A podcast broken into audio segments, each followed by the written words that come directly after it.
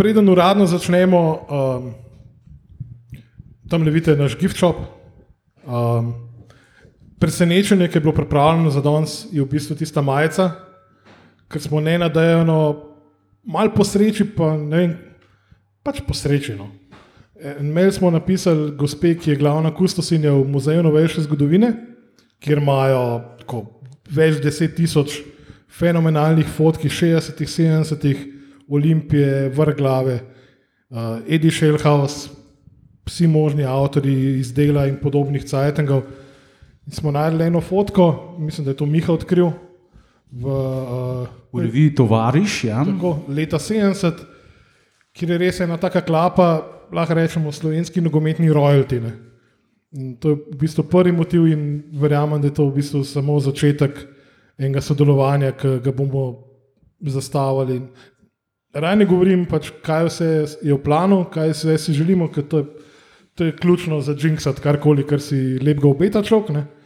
Ampak ja, um, dobrodošli, sem danes je po tej ceni na voljo. Tako da um, izvolite, ne pol. E, a lahko s Plonkičem. Jaz sem se res hotel naučiti, kdo je gor na majici. No, dejno. Vem, da oblak pa Amršek sta bili. Bravo. Klamfer, prvi zleve. Mi, Miha te gleda, ne mene, on je, Ne, ne, sej, on je eh, naš ta glavni Plonkič arheolog. Samo tudi Plonkič klej, ampak Klamfer je prvi zleve, Okay. pa je škul. Ta zadnji je golec, um, za škuljem je se pravi, oblak, za, zadnji opazuje nedelko. plonkaš. Google. Ja, sem takih ne poznam na ja. faca razen oblaka. Uh, na koncu je golec, čakaj vmes je pa. Ki Vili je imel včeraj rojsten dan, valjda Ja, si videl, ko smo objavili njegovo ja, sliko. pa Od vseh pozabiš. Amarška. No. Ne, nisem ga, če sem ga omenil, no. pa ok. škorič, no. pa škorič je šel vmes. Tako da to je res taka um, dosti legendarna um, peterica, pa, pa zadnji trener, veliki nedelko Google. tako da. Trener, ki je največ uh, tekem vodil Olimpijo, več kot 300. Ne. To bo sicer naš opta žabar bolj vedel, ampak se je skril nekam med publiko. tako Da, mm, Pustite, da pijer pijo, mir, v redu je.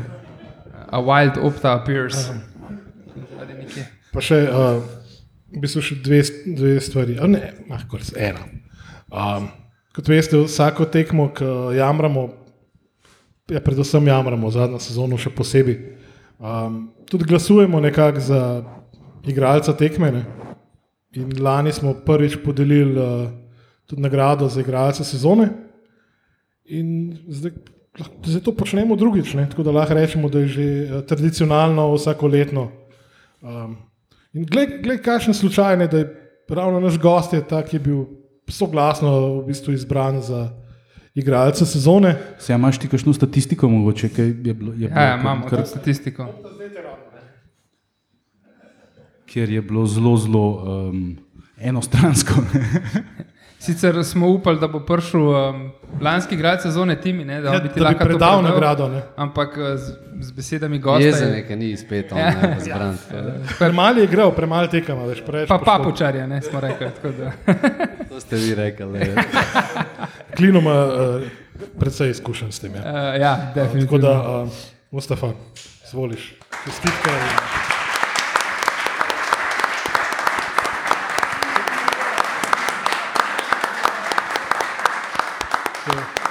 Seveda gre za ročno delo in je to krhko, kot zgleda, tako da nežno. Ne. Ja, Musa je dobil 34 glasov, um, drugi je bil um, Timi z 19, tako da je pač res prepričljivo osvojil uh, letos uh, to trofejo in dejansko smo ga čisto vsi um, izbrali za, tudi osebno za najboljšega igralca. No. Uh, največji, največji fanboy je pa Miha. No. Tako da on ga je pa osemkrat izbral. tako da. Uh, čestitke, ja, res. Pa kaj da vam rečem, hvala, pul sem srečen. a, Ena lepa stvar, no, tako da še ena potrditev no, za eno dobro sezono. Tako da hvala, vam, no, res mi je veliko pomenilo, spoh od vas. No, tako da hvala.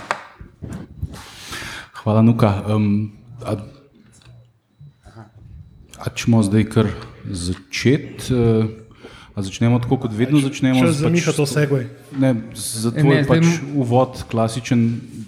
Kljub temu, da smo uživa, mislim, da se je treba držati forme. Ne? Ja, javno, ja, ja, seveda. Um, najprej, ful lepo vas je videti, cifra je že solidna, po moje. Več kot na prvi tekmi ziharne.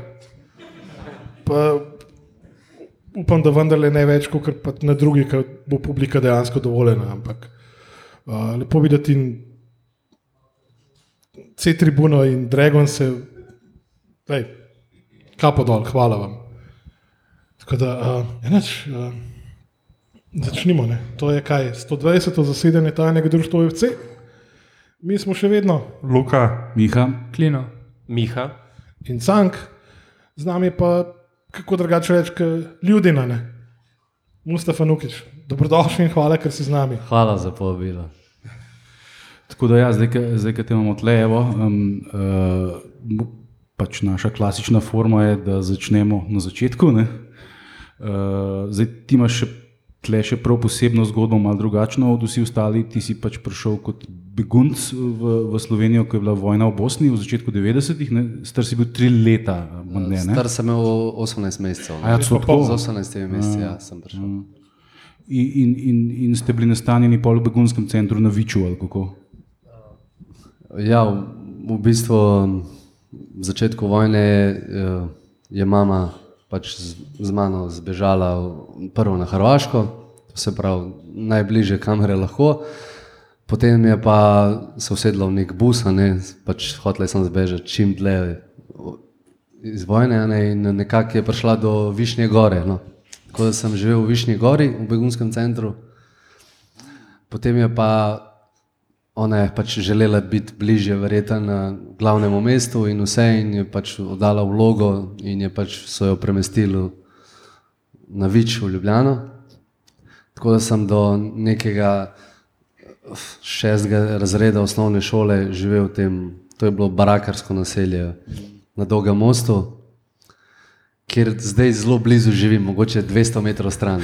Tako da sem se vrnil A, to, nazaj. si, kje. to si sentimentalno zbral, prav? Ali? Ne, nekako je tako res prišlo in nisem se kaj preveč operal. No, da- Aha, če si pač ja, ja, nanesel. je tako. navadil sem Ja. se tam, tako da zdaj živim 200 metrov stran, kot sem pač živel tam do enega 14 leta. Tako da ja. Potem je pač so to zaprli, takrat je. Takrat je pač država Slovenija nam dodelila tudi uh, nekakšne papirje, tako da nismo bili več begunci. Z, uh, dali so nam opcijo, da naj se vrnemo pač v Bosno, ne, ali, ali pa če želimo ostati, ne, so nam pač dodelili državljanstva.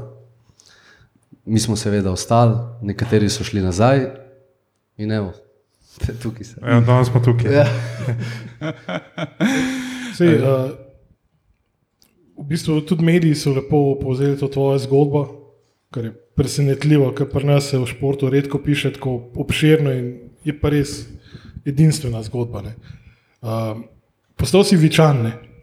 To Prav, re, rekel si, da je Vič v bistvu nekako tvoj kvart. Tukaj si tudi začel potem z nogometom. Eh, Ja, nekako moj prvi stik z nogometom je bil seveda tam. Mi smo imeli tam nekako, to je bilo tako urejeno, so pač, smo imeli košarkaško pa nogometno igrišče. In koše so, so hitro uničali, ne. Eh, železni golov niso mogli. Tako da smo igrali večinoma nogomet. In potem je pač starejši fanti tam, ko so bili, pač moj oče je videl, da sem pač, da rad igram nogomet, ne, da sem pač samo to počel tam. No. In eh, nekako me je z enim od starejših fantov napotil v nogometni klub Svoboda. Tam, pa, tam sem bil pa tako mlad, da niti niso imeli selekcije. Ja, si bil premlad Ja, za in, vse in, smo bili, selekcije. in smo bili neki trije fantje, ki smo bili starejšimi. Potem je bila pač v šoli, sem pa začel v otroški nogometni šoli. Pač mi, letnik 90, smo prva generacija otroške nogometne šole v, v Ljubljani in nekako tam sem potem pač no, konstantno bil na tej svobodi in nekako me je ta svoboda spremljala res dolg časa. No. Na svobodi si pa šel skozi vse selekcije. Uh, I- Ja, na svobodi sem bil do nekega. Glih takrat, ko sem, a, ko sem pač nehal, nisem bil več begunec, sem prestopil Olimpijo. Se mi zdi, glih to je bilo 13-14 let, sem bil star, starejši deček, nekaj tasga se spomnim. No. Uh, takrat sem bil na svobodi in potem uh, sem. Olimpija je pač takrat izkazala neko zanimanje in tudi na svobodi je bilo zelo, zelo turbulentno obdobje in nekako sem se odločil, da bi šel na Olimpijo. Ne. In sem bil na Olimpiji in mislim, da dve leti. Tako je, ja. trener je bil pokojni Zoran Ubavič A, in pokojni Roman Bengez. Tako da Roman Bengez me je pa pač pripeljal v Olimpijo. Aha, ja, ja, Bengi. Ja, tako da, On je bil takrat za to. Ja. ja, on je bil trener in potem je bil še Zoran Ubavič pokojni. In potem uh, je prišlo, je bilo glih poletje in uh, nekako smo šli na dopust in je prišla informacija, da pač kluba ni več. Se pravi, Kaj dva- pa dva zdaj? pet, famozna Ja, 2-5. Ja, kluba ni več in je kaj čem pol. Jaz mm, sem rekel, jaz na faktor ne grem, ne, grem nazaj na svobodo. Ne. In sem šel nazaj na svobodo. Tam je medtem Svoboda je prišla v prvo ligo in smo bili kadeti, mladinci v prvi ligi. Uh -huh. Tudi Svoboda je v tem obdobju, mislim, da tudi člani so bili eno obdobje v drugi ligi. Drugi, ja. In sem rekel, super, da to mi je doma, poznam okolje, grem nazaj, kaj ne. Sem prišel na svobodo, potem je Interblok se vzpostavil nekako. In zadnjo leto mladincev, na svobodi sem res imel eno dobro sezono in takrat sem začel tudi za slovensko reprezentanco v mlajših selekcijah igrati. In potem je Interblok delal to neko ekipo, da je izbiral vse mlade igralce. Res smo imeli neverjetno generacijo 90. Mislim, da smo v celi sezoni nismo sploh imeli poraza. No. Tako da smo bili brez poraza, smo bili prvaki, mladinski. Sem šel na Interblok, potem se je pa začelo, se je šlo vse na robe. Ja, polk je jod šel, pa to ne. Pa ni, nisem jaz toliko z jodcem imel, pozaj, jaz sem imel eno težko poškodbo, jaz sem si A ja, strgal kolenske vezi takrat na, na Interbloku in Še kot mladinc. kot mladinec. Ja, in takrat, takrat je bilo precej drugače. Takrat mladi igralci niso imeli takega hitrega vstopa v prvo ekipo. In jaz takrat, ko sem se poškodoval, sem nekako izginil. To se pravi, enostavno ni bilo nobenega podporta od kluba, od nobenega. Takrat pač ni bilo tako, kot zdaj. ne. Tako da jaz sem nekako utrpel to poškodbo, sem bil odsoten skoraj dve leti. Let pa pol, ker tudi takrat operacija kolenskih vezi je bila precej drugačna, kot zdaj. Ne. To, je, to je zdaj že, koliko je to zdaj, 10-14 let. Tam nekje, ja. Ja, takrat je bilo precej težje, tudi ni, toliko, ni, se, ni bila toliko tehnologija razvita, ni bilo toliko, tom pač vse spostavljeno. Tako da sem res rabo veliko časa, da sem se vrnil nazaj. Ne. In potem ta povratek ne, je bil zelo tak težek. Nekako prideš nazaj, kje boš igral, ni te bilo. Aha, pa, ta, v tem mestnem času nisi bil pod pogodbo. Ne, jaz, jaz v bistvu, jaz moram eno zanimivo povedati. Jaz sem prvo profesionalno pogodbo podpisal z 28 leti. No, to pa je zanimivo. Prvo profesionalno pogodbo sem podpisal z, z Bravotom, ko smo se uvrstili v prvo ligo. Wow. Ja. Tako da, da, da takrat sem bil vedno amater. Aha, Ja. Tako da jaz nisem imel takrat nobene pogodbe pri Interbloku ali pa karkoli. No. aha, ja, ja. Prav ni, ni tako, kot Danska ima že par 12-13 pogodb. Ne. Ne, ne. Moj, takrat, ko sem bil jaz, sicer so nekateri fanti dobili, ampak danes se mi zdi, da kategorično vsak, ki mal pokaže nekega talenta, dobi takoj pogodbo. Takrat je bilo to res velik dosežek, če si dobil pogodbo mlad ali pa da si bil priključen k prvi ekipi. Jaz pa se spomnim, da sem bil priključen k prvi ekipi dejansko in sem samo kroge laufal. Sploh nisem dobil, nisem sploh žoge dotaknil se. ne. Tako da je bilo precej drugačno. Se kakšen je pa bil ta mogoče prihod? Se pravi, bil si pa Fernandincih, težka poškodba. A, pač nisi vedel, kaj bi. Mislim, a, a, a, a si že takrat mogoče razmišljal, Ne, jaz sem takrat, jaz sem takrat končal uh, gimnazijo, vse, tako da sem že razmišljal, kaj bom šel študirati. V bistvu nisem vedel. Jaz, pravim, jaz sem končal gimnazijo, jaz nisem vedel, kaj bi delal v življenju. Jaz sem rekel, jaz bom futbal igral. In sem se upisal na elektrofaks, ki mi je blizu bil na Viču. Sem rekel, da grem tukaj na elektro, bom probo. Prvi dan, ko sem prišel v Kenov, sem vedel, da ga ne bom naredil. Tako da, pogledal sem po učilnici in sem rekel, joj, to so čist drugačni ljudje, ki jaz, jaz tega ne bom naredil. Tako da sem, ampak dejansko sem prvi letnik skoraj naredil.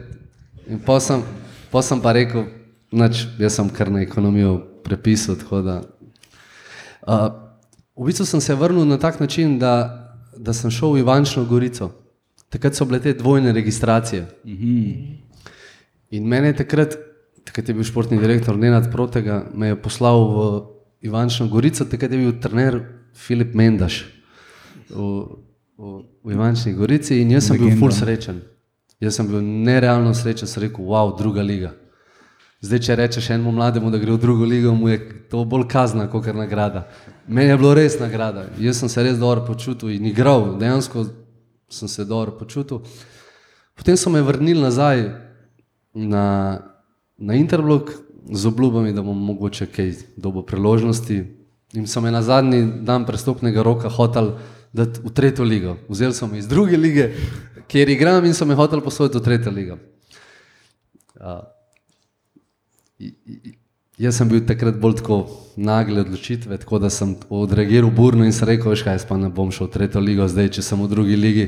In sem pač se malo odločil, da si bom vzel pauzo od futbola in sem pol leta dejansko bil doma in tako naprej. Ha, to je bila ta famozna, ko si dejansko nehal prvič, to je bilo Ha, prvič, to je bilo prvič. Jaz sem trikrat nehal. Bo vsakič si se vrnil. Ja. Si, si večkrat nehal, kot je imel Džerma klubov. ali kaj? Ja. Ne, ne, čak, v redu. Pretirali pa ne bomo. No. Ampak že od začetka si bil napadač, ali kako, kako je bilo s pozicijami? Uh, mene vsi ti moji prijatelji zafrkavajo, da, da jaz nimam neke pozicije, da sem jaz devet pa pol. Da sem med devetko pa desetko. Te pozicije pa ni na igrišču. Ne, Ja, Pep Guardiola bi se strinjal z njimi. uh, ne igral sem vse, v bistvu. V bistvu mislim, da edine pozicije, ki nisem igral, je golman ali pa ne vem, da s- levi bočni. No. Dobro, vse mogoče še priješ do paštega. Ja. Mislim, tle, tle ti da lahko tončika še na svet, ne. kako je na, na derbiju brant. Pa levi bog, ta najbolj deficitarna pozicija, le nikoli ne veš. Ja, vse je možno v futbalu, res. Ja, sploh zdaj, ko ima- ko ko imamo toliko malih igralcev, veš. Le, in... Ja. Ne, to- No comment. ne, ne. Okay, tako si prvič nehal igrati futbol naprej. Oh, ja. V bistvu, zdaj, težko se bom spomnil vseh teh uh, pacov, no?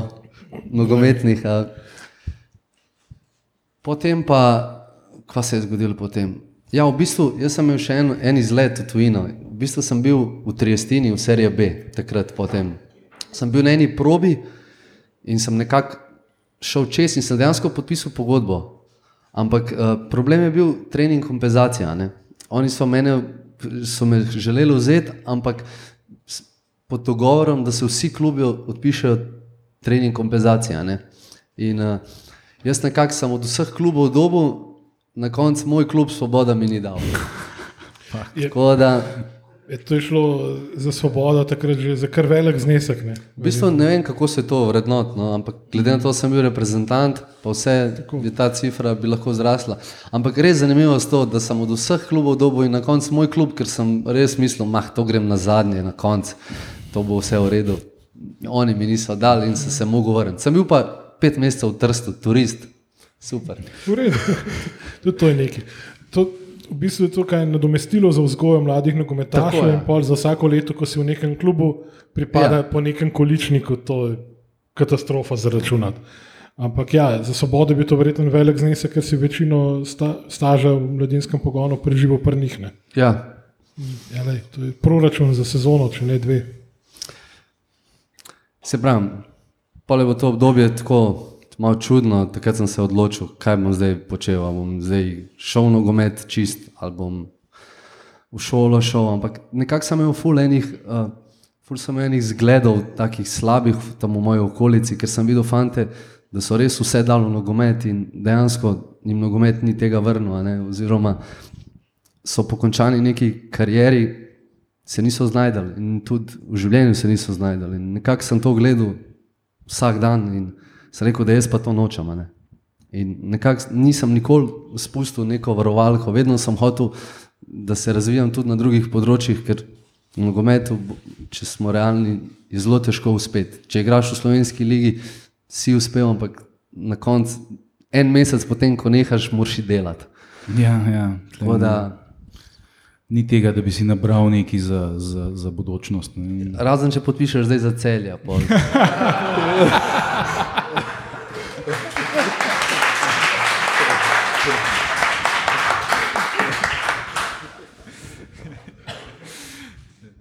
pol. Sam dan ni vse Sem, sem, življenje. sem ne tega ne res, prosim. Jaz sem bil v celju. No. Tako Da, jaz sem bil v celju, glih po tem obdobju. Ne, sem, pa, sem pa šel na probo v celje in so me vzeli. Sem rekel, super, in spet nisem dobil priložnosti. Takrat je bil celje tako dosta resen klub. No. Takrat so igrali z Zoran Pavlović in podobni, in nekako jaz tam nisem dobil priložnosti, razumljivo, ker pač dejansko so bili res dobri igralci. a ne. In po celju, kaj bom, spet nimam kluba. In, in, šel, in je bila svoboda v četrti ligi. In tam te moje vičani meni, pa dej prid nazaj na svobodo, dej gremo probati v tretjo ligo prijeti. Takrat je bil famozni derbi Svoboda med vode. Spomnim se, med vode so bili prvi, takrat to leto, mi pa drugi. In, tej, in dost teh mojih vrstnikov je igral za medvode, ki tudi niso pač imeli kam iti, tako da so igrali za medvode, jaz sem šel pa na svobodo, spet kontra od vseh. Oni so bili prvi, mi drugi. In v tej sezoni sem jaz, ne vem, če se spomnim, da od nekih 30 golov v tej četrti ligi. In me je poklical Robert Misja, pa Dule Kosič. Opa. Ja. In jaz, pa kaj bom zdaj spet, jo, spet prva liga. In sem rekel, grem, ajde, ker je Dule mi obljubil, spomnim se, jaz sem delal, delal sem, prodajal sem v Dormejo, te, te vzmetnice sem prodajal. Res, na litostrojski, telefonski center. In me je Dule po službi počakal dol v lokalu in sem mu rekel, lej, prosim te, samo daj mi priložnost. Če mi boš vzel, da ti bom številka, pa da bom tam, le jaz bom raj tukaj ostal.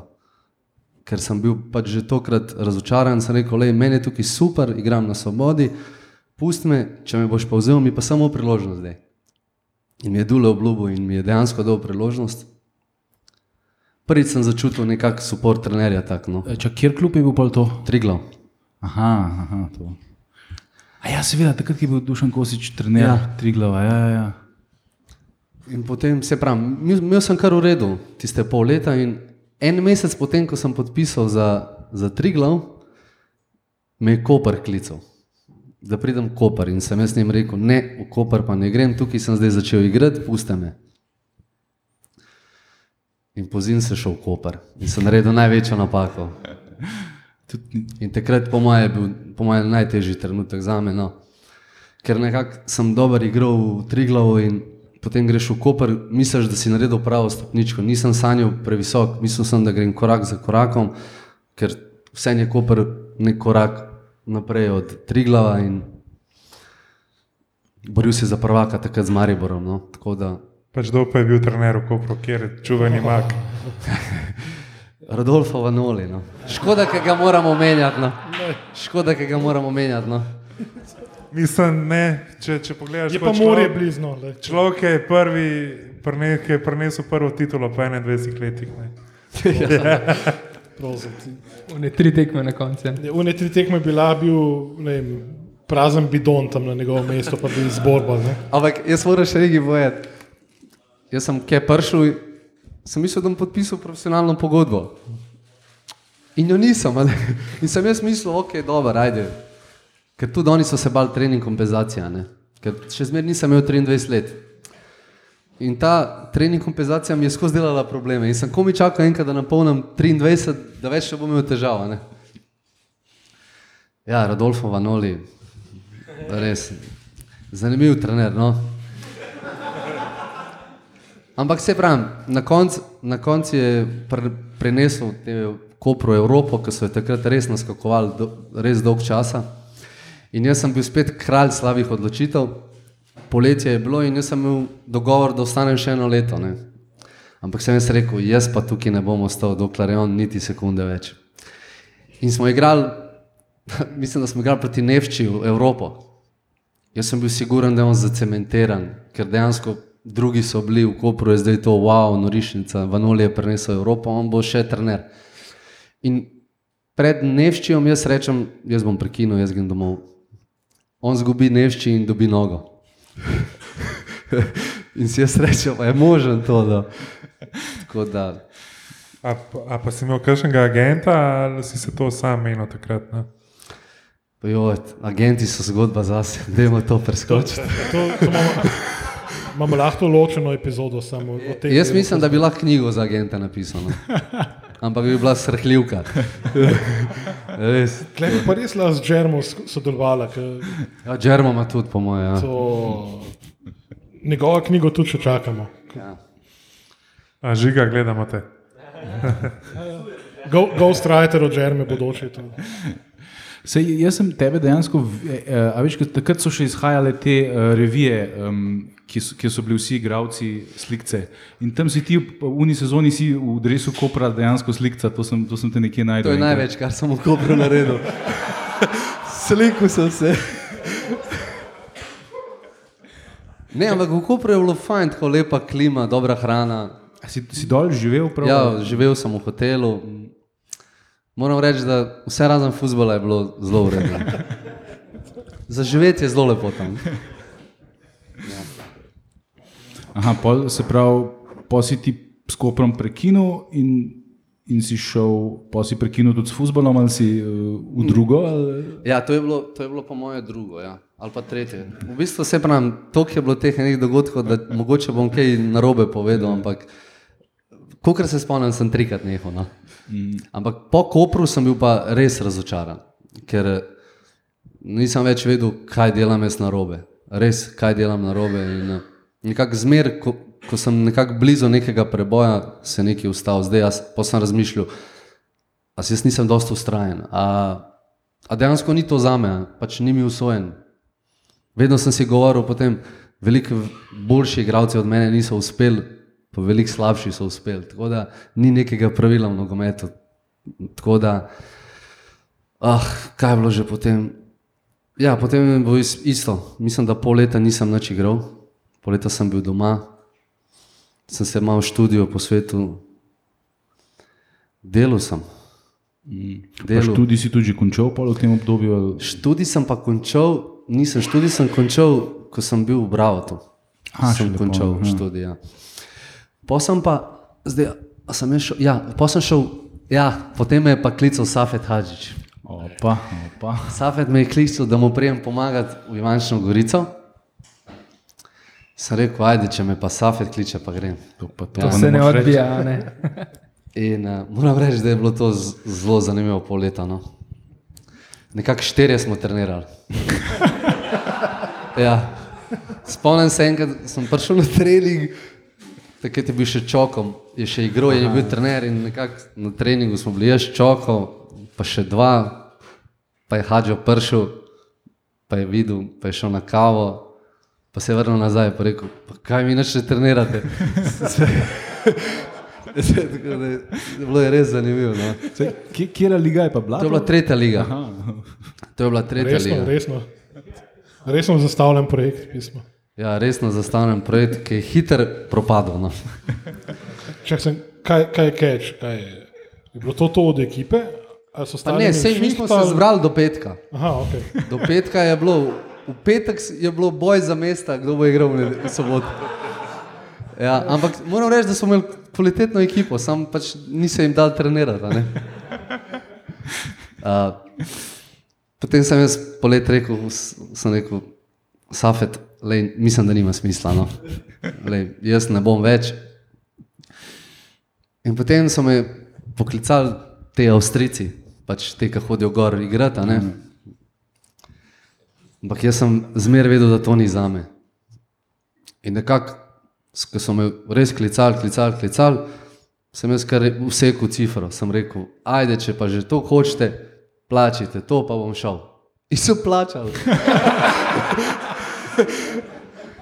In, in pol sem jaz rekel, pač, sem rekel, sem dvakrat jih vprašal, "A ste prepričani. Se to je povezava z Verdenikom, ki smo imeli tudi podcast, na japonskem delu. Pa je rekel, evo, eno številko sem jim rekel, bum, E, do, moja je bila precej manjša. Da. In, in dejansko so oni rekli, ja, sem rekel, no pa, pa moramo. Ne? In sem bil tam pol leta in ti ta vožnja čez ta Lojbal pas. Aha, to je bila O, in mene je to tako. Jaz sem se še zmenil, da moram dvakrat iti gor, ker so rekli, če te pa že toliko plačujemo, pa se voza. Ne? In ta čez ta Lojbal pas, vsakeč, ko sem prišel dol v Klagenfurt, meni se ni dal živeti več v treningu. In, in sem tudi tam videl, da pač ne gre. Ne? Pol pa, pol sem pa rekel, no zdaj pa dost. Zdaj pa dost fuzbala, zdaj grem pa res delati. In dejansko sem se zaposlil redno, prvič. Do takrat sem zmer delal prek študenta, različne službe, v, v trgovinah, dormejo te prodajo in razno razne stvari. In sem takrat rekel, zdaj pa res dost študij bom počasi končal, tako da moram zdaj nekaj najti, da bom pač začel delati resno. In so mi ponudili na Iliriji, da pač igram, in so mi dali službo. In jaz sem to res sprejel z obema rokama. Tudi nek projekt je bil, da bi Ilirija prišla v prvo ligo, tako da smo nekako bili v tretji ligi, te smo prišli v drugo ligo, obstali v drugi ligi. Tri leta sem delal, res, tri leta pa pol, super, sem, sem imel lepa izkušnja. No. Nisem si predstavljal, da bom jaz še kdaj igral nogomet resen. To je bil takrat, ki je bil ta Dermastja. Je bil Dermastja je bil, pri njemu sem delal. No. Ekstra v V si- Luxu, ja. Aha, aha. In pravim, takrat sem bil res čist a, izven nogometa. Dejansko nisem spremljal nogomet. Šel sem na trening, to tretjo ligo sem pač spremljal, pa to drugo, kar sem igral, ampak izven tega pa nič, nič, res nisem vedel. In uh, nekako sem šel čisto v službo, poročil sem se, počasi sem že planiral družino. In potem je bila zadnja tekma, igrali smo proti Bravotu in je prišel do mene Dejan Grabič in je rekel, a se tebi še da igrati nogomet, ker jaz bi fuler, da prideš igrati za Bravo.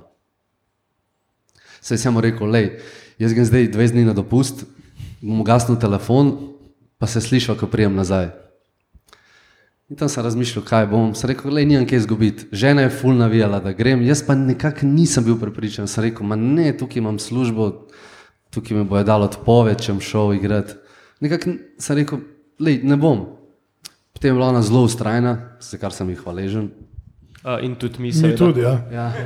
Ženo je treba poslušati, to je nauk te zgodbe. Ne vedno. Ja, To, to, to ti mi najbolj, to, to ti mi zdaj najbolj šve. Ne? Ja, ti mi mora, ti mi mora. A, tako da Dejan Grabič me je nekako prepričal, da pridem nazaj, ampak sem tudi z njim imel res tak pogovor, sem rekel, le, v redu, pridem, bom probo, da vidim, če bom jaz to lahko zdržal. On je rekel, ja, le, ni problema, jaz računam na te. Pa sem prišel kaj in prvi dan, ko sem bil na treningu, sem rekel, wow, to je resno. Ker druga liga je bila, jaz sem bil v Liri, drugi ligi pa ni bilo resno. In ko sem prišel prvi dan na trening, sem rekel, no, tukaj se grejo pa resno stvar. ne. Se je rekel, mogo kar zagrabati. a ne. In nekako dan po dan, dan po dan, vse bolj sem se videl. No. Tu z njegove strani sem imel res tak en support. Res se mi je posvetil. No. In podobno kot Dule Kosič, ne, v določenih momentih, mi je res nekako dal ta Meni osebno zelo pomeni, če mi trener zaupa, če mi pokaže nekako, da, da, da, da se zanese name. a ne. In takrat jaz v tem trenutku začutim, da tega človeka pa ne bom razočaral. ne. In lahko rečem, da sem da z njim imel tak odnos in jaz upam in verjamem, da ga nisem, ne, da sem mu dal veliko, on pa tudi meni. Tako da nekako bravo je bil ta res prelomnica. No.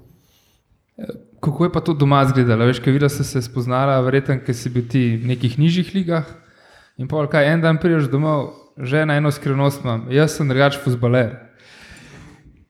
Uh, Kako je drugač, to sprejela, ker to je zdaj zelo zanesljivo, v bistvu ne, pač spet v fuzbalnik. Veš kaj je dobro? Jaz sem njo spoznal, ko sem bil nogometno na dnu.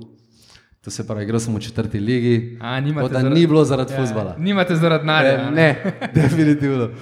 Tako da ona je, sigurno mi je tudi ona pomagala, ker nekako z njo sem se veliko pogovarjal.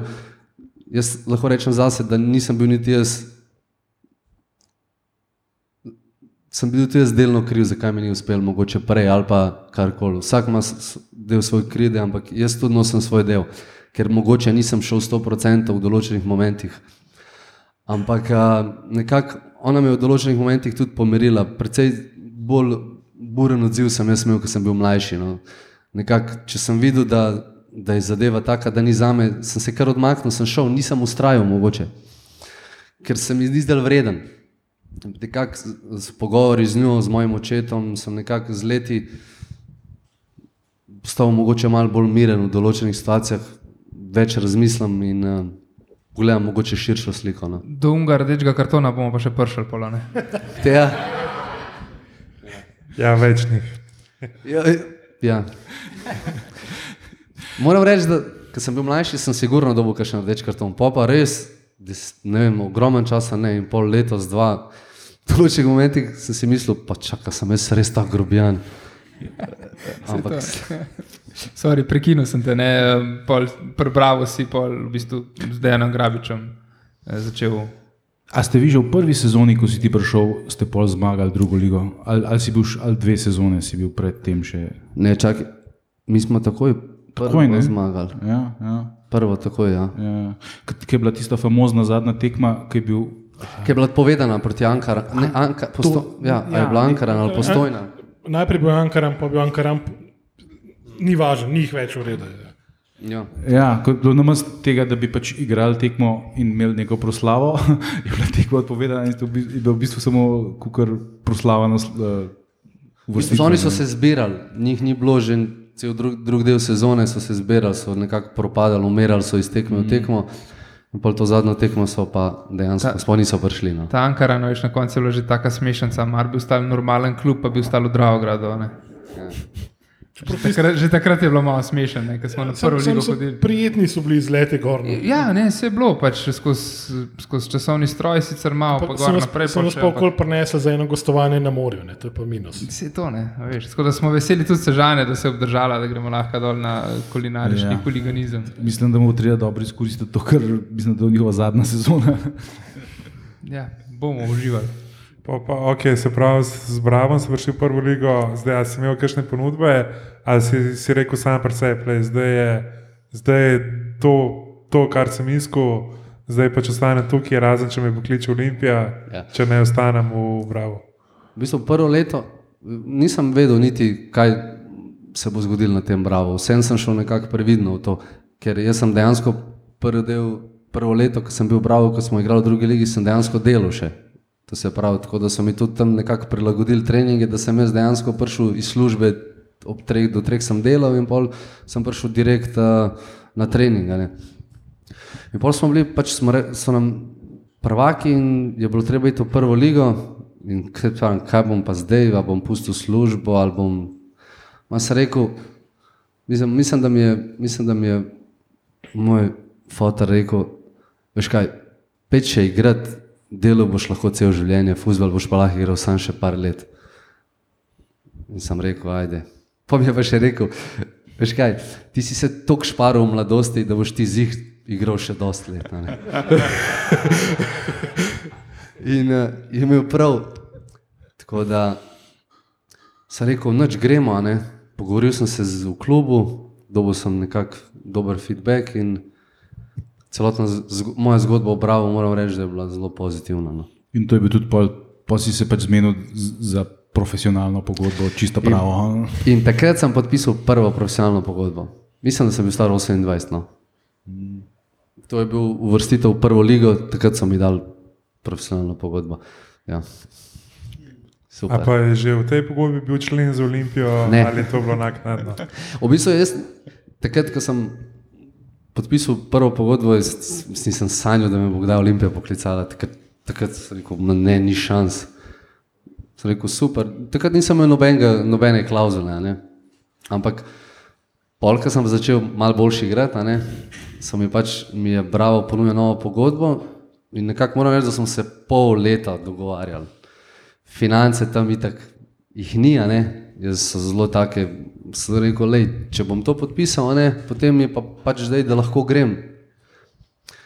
In dejansko so mi dali, čeprav zelo težko. No, moram reči, da je tudi je trener tukaj posredoval, ker jaz sem pa rekel, ali mi dajte to, da imam pač v pogodbi, ali pa jaz ne bom podpisal. In nekako moram reči, da sem od, sam odločil o svoji usodi in eh, na koncu sem to iztržil, ker sem vedel, da to poletje se bo pa zih kaj zgodilo. Ne. Če, se pravi, ti si dejansko imel v pogodbi, lahko grem, če pride Olimpija. Ja, ja. Prav. Vsaka Dejansko čast. sem In to imel. Ja.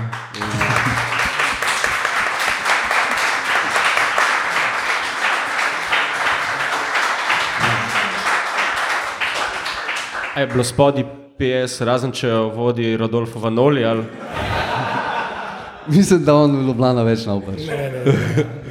Ja, never say never. Ne. Prosim, ne, no, ne, ne, ne smemo iti tako daleč. E, eno so vici, drugo pa to pa že. Ampak se pravi, jaz, jaz sem imel ta aneks, a ne, da v bistvu je bila noter neka simbolična številka, da pač bo ta klub oziroma Olimpija mogla pač plačati neko simbolično številko. In, uh, takrat jaz sem bral to, ko je prišlo do tega dneva, mislim, da me je Timi me je poklical. No.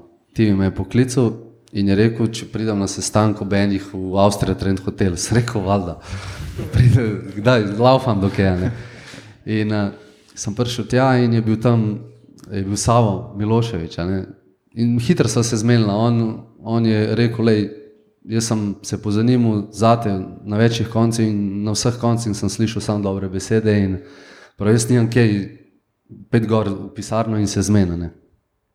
Ampak bravo je takrat mogoče malo začutiti, da bi pa mogoče lahko kaj več iztržil. In eh, celotna ta pogajanja so trajala en teden, samo zato, ker sem jaz hotel tako narediti, da, da sta oba dva kluba zadovoljna. To se pravi, jaz sem nekako hotel, uh, da, da tudi Bravo ima nekaj od tega, ker tudi Bravo mi je nekaj dal. Ne? In sem se nekako bil nekak medijator med dvema stranema in sem rekel, dajte se zmeniti. Bravo, sigurno hoče kakšnega igralca Olimpije, jaz bi pa šel na Olimpijo. ne. Dajte zamenjati to in da pač neko sodelovanje. In, in mislim, da ni prišlo do sodelovanja, ker čeprav sem jaz logično. imel. To, sorry, to, Ja. to je bilo preveč logično. Ja, čeprav sem jaz imel vse v svojih rokah, so komplicirali. In jaz sem rekel, pa ljudje božji, jaz odločam, ne morete nič, jaz grem. In smo se zmenili in jaz zapustim pisarno in pridem iz pisarne in me kličejo, "Ej, oni so rekli pa to. Sem rekel, pa kako je to možno, če smo se pet minut nazaj vse zmenili. Tako da na koncu sem pač šel noter in sem rekel, no zdaj pa dost, jaz grem, mene več ne bo. In so šel in so zrihtali in to je to. Mm. Tako da nauk te zgodbe včasih ne, ne rabiš pomagati, ker ne moreš pomagati. Pač očitno se v, v, v, slovenskem nogometu se mi zdi, da je tega sodelovanja zelo malo in eh, zelo, zelo slabo, sploh za ta ljubljanski bazen. a ne.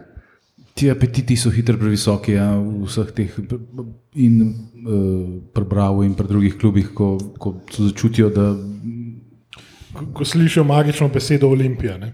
pa da Ja. se zanima za nekoga.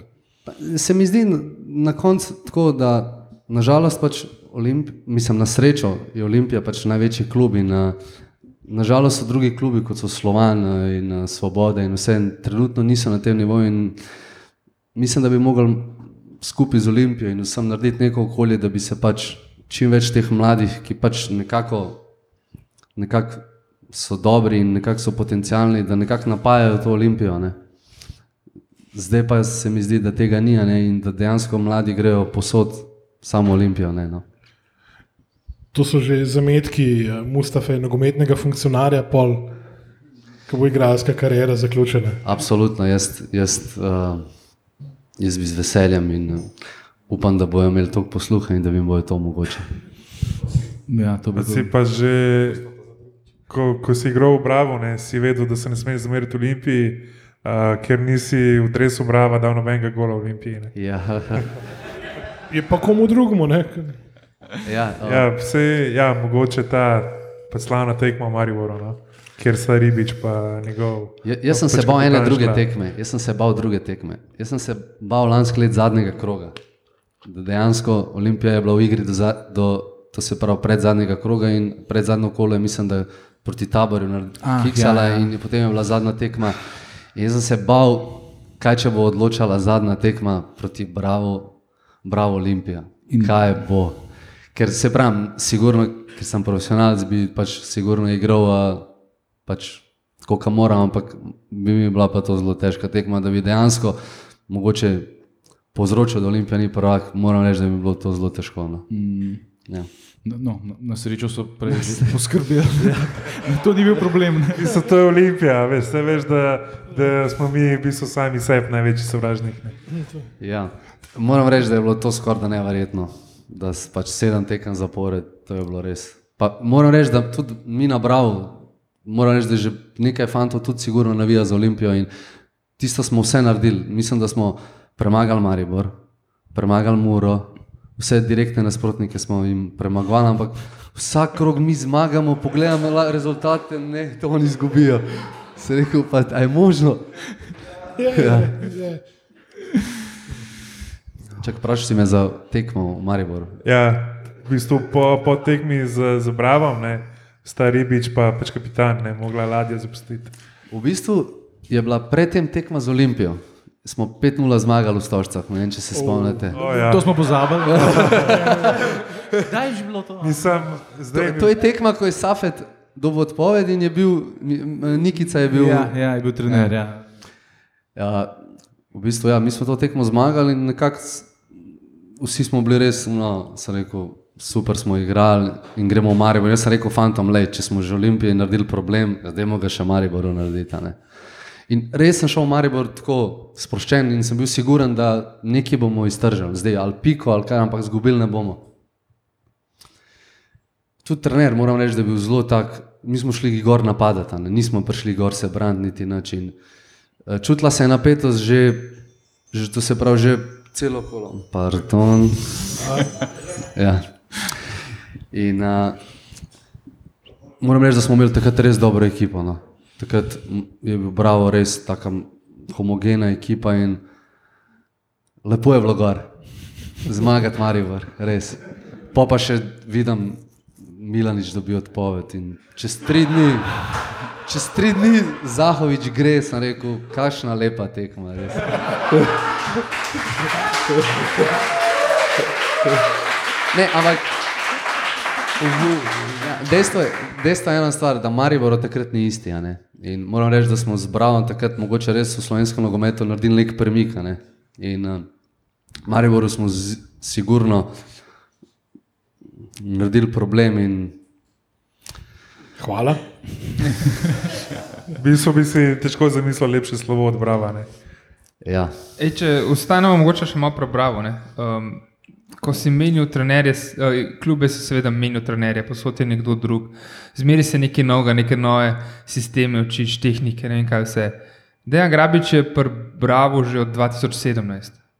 To je pač zdaj že pet let. To, kako se to pozna, da je skozi en in isti trener, da je skozi ena in ista filozofija? Razloži nam, kaj ne vemo. Ne. Ja, Pa sej vidite, jaz vsak let, ko vidim, kdo zapusti Bravo, si rečem, joj, to bo borba. Ampak oni so vsak let, to se pravi tukaj. Uh, Nekako, nekak, ko imaš ti neko idejo in on siguran ima in dejansko ima ta podpor, mislim, da odloča o marsičem, bravo in dejansko si pripelje igralce, kogar želi. Um, dela tako, kot on hoče.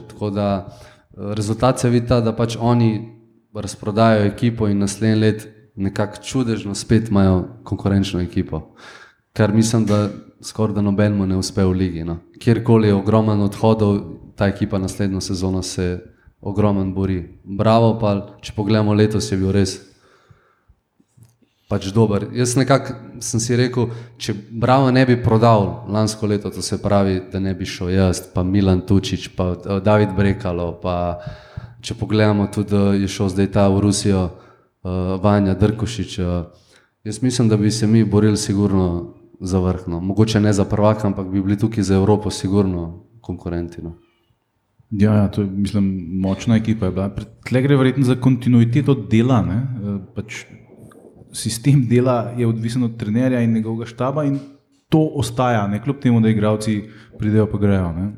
A, a, a veste, kako, ko ti veš, kaj trener od tebe zahteva in ti on nekako ima neke svoje principe in ko pridejo novi igralci, spoh če ne pride veliko teh igralcev, je zelo enostavno te igralce upeljati v sistem. Če pa ti konstantno menjaš, pa ogromno igralcev prepelješ, nekako se igralci ne morejo povezati. Meni osebno zelo pomeni, da jaz nekako naredim nek odnos z igralci, tudi da izven kluba grem z njimi na kavo, grem na kosilo, da se povežemo, ker to so pa tiste točke, ki jih dobiš ne samo mogoče zaradi kvalitete, ampak tudi zaradi te neke homogenosti. In na Bravcu smo to sigurno imeli s Fantino. Ja, pa, pa v bistvu ogrodje ostaja. Ne. Mogoče gre sta dva, tri igralci, ogrodje ostane. Ja. V bistvu isti trener, tudi te novinci, ki pač pridejo, se jih da verjetno lažje upeljati kot, ne vem, pač bom rekel, ajde, zdaj v Olimpiji, ki mogoče časih za, za koga tudi še po parih tekmah ne veš. Ne. Je pa, Kako me ime. speci je, je pa specifika to, da naprimer, ti na Olimpiji moraš zmagati, na Bravcu ne rabiš zmagati. Ja, ta pritisk rezultata. Ne? Ja, tam je tako, fališ pas, super, naslednjega boš zadev. Pri nas fališ pas, jo že gori. In uh, meni osebno, nekako, uh, ko si tri leta v tem, ti potem mogoče manjka ta nek pritisk, manjka ti ta nek uh, naboj, da se za nekaj boriš. In uh, mogoče se lahko nasiteš kot igralec te nekako skozi ene linije najmanjšega odpora. In meni osebno, ko sem prišel na Olimpijo, mi je zelo pasal, da, nekak, da je nek pritisk, da pač nekaj moraš. In Predvsej drugače je igrati, no, kot Olimpija. Izziv. Za, absolutno, absolutno. Je pa zanimivo, da svojo prvo tekmo ne, za Olimpijo si igral pač na stadionu, kjer si prej igral za Bravo dve leti. Ne. Ja, Sav, Sava mi je rekel, nuka, danes igraš na svojem terenu, to je tvoja tekma. In, in si nas odrešil tudi muk na uni tekmi in zabil na ja. debijo. Ne? To je- Ja, noro, noro, res. Čeprav, se pravim, jaz, jaz sem pred to sezono nekako bil zelo pozitiven. Ker meni je bilo vse idealno. Olimpija me je poklicala, wow, super. Igram Evropo prvič v življenju. Jaz sem bil zelo pozitiven in sem imel neke visoke cilje. Ne. Uh, zdaj, delno sem svoje neke osebne cilje izpolnil, ampak uh, ekipno moram pa reči, da je bila zelo težka sezona. In, uh, bi sam povedal to, da vsem, ki potegneš črto, kaj vse se je letos dogajalo v Olimpiji, da smo zamenjali vodstvo, zamenjali tri trenerje. Na koncu smo bili tretji. Jaz mislim, da kjerkoli drug klub bi pač šel čez take stresne trenutke, bi bil precej niže. Tako da tudi to je kvaliteta. Da. V bistvu se, se ne sam letos, ne. se to je mogoče neka pač konstanta, bila Olimpija, ampak zmeraj je bila do ne vem, dobro, je bila tudi prvak, ne, ampak zmeraj je bila tam v igri za, za prvaka do dve, tri kole pred koncem. Pač kaj bi bilo, če bi bila enkrat konstanta, dve, tri leta. Jaz, jaz upam, da bom to dočakal kot igralec, če pa ne kot igralec, pa vsaj kot navijač. No. Res. Ali pa funkcionar. Ali pa funkcionar. Ja. Ja. Uh, pa zdaj, okay, če, če gremo še malo čez uh, v bistvu sezono, ne vem, meni je mogoče najbolj spominjal to tisti penal v Stožicah uh, proti Mariboru. Ne. To je bil tudi nek moment, ki te, bom rekel, ali pač, ali v bistvu izpopolnil, ali te pa res dvignil, da to pač to ne. Mislim, aj, aj, aj, a še obstaja lepši način, da pač daš gol, ne. pa še proti Mariboru. Obstaja samo še en boljši scenarij, da daš gol na tekmi na derbiju, odločiš, pa si še prvak. recimo. To je, uh, boš sledil pol uh, vombijemu zgledu. Ne, recimo. Ja, bombi, ja, bravo. Ja. pa se čak, pred tem penalom so ti razveljavili en tok lep gol. Ne? Ja. Mislim, da je bila Malo ne, res. deseta minuta, so razveljavili. Ampak Tokle, tokle je bilo offside. ne, Ne? to je bila prva tekma, ko smo 3-0 zmagali. Ja, to je bil takrat, ko je del Delameja gole. Ja. Ja, evo. ja. V bistvu to tekmo, ta tekma je bila, mislim, da ni bilo dosti navijačev, ker so bili te COVID ukrepi in sem rekel, joj, to pa ni fajn, škoda. In, uh, ampak vseeno, pol, ko sem pogledal na tribuno, sem videl, da Dragonsi so, sem rekel, super, evo, saj pač imeli bomo podporo. In moram reči, da smo v določenih momentih res trpeli. Maribor je bil mogoče v polju boljši. In pol nekako je prišla ta situacija in je bil penal. In jaz zdaj gledam sodnika in sem rekel, moraš piskati. Sem rekel, moraš piskati, nimaš kaj gledati, to je penal, penal, penal. Sem se drl, se, mislim, da so tudi komentirali, da sem delal pritisk na sodnika. Sem rekel, piski. In je piskal, in pa me je pa odrezal. Ker sem vedel, da pač sem pogledal, noben noče streljati. Rekel, A, "Bo." čak, a, ni, bilo vnaprej, ni to Ja. ponovadi vnaprej določen. k- V bistvu jaz streljam penale, ampak Aha. nekako vedno me kdo vpraša, lahko jaz, ampak takrat me noben ni vprašal. In pol jih gledam in si mi dajo tako žogo in kimajo. Ja. In, in, Imeli so toliko zaupanja, vate, ne? ni bil drug razlog. ampak res mogoče, da ampak jaz sem vedel, da ga bom dal. Res sem vedel. In jaz sem šel ok in sem rekel, le čak, zdaj pa ne smeš faliti, ne smeš faliti, ne smeš faliti, ne smeš faliti.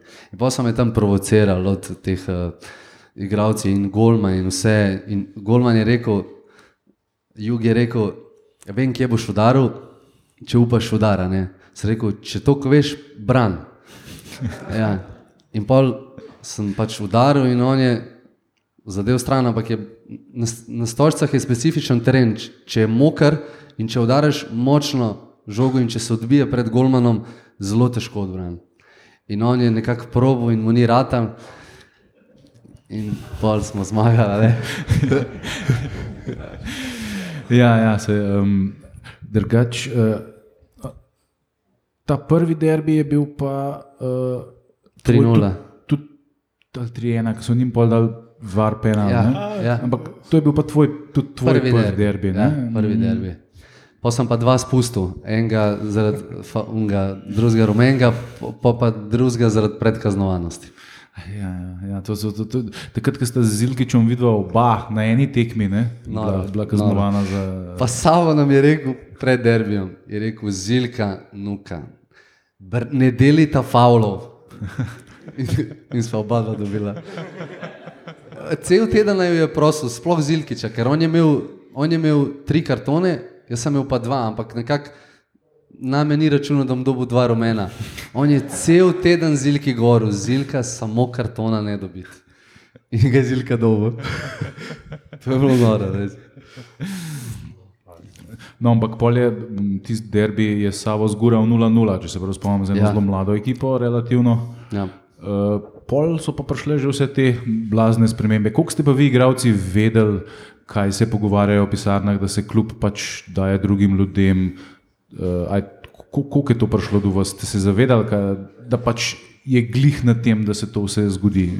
Eh, Sam še nekaj bom povedal za un derbi, če lahko. Uh, Seveda. za tisto, ki sem dal gol.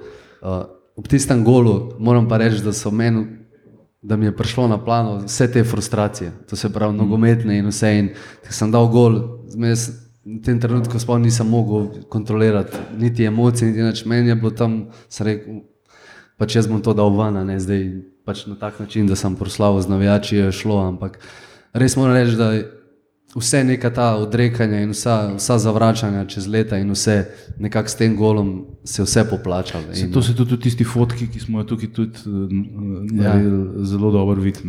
To je bil res tako. Jaz sem rekel po, po tem golu, sem rekel, tudi če futbala več ne igram, jaz sem svoje naredil. Res, noro. No, pa se mogoče preden v bistvu odgovoriš na prejšnjo vprašanje, ki smo že, ki si že glih par, par, par golih.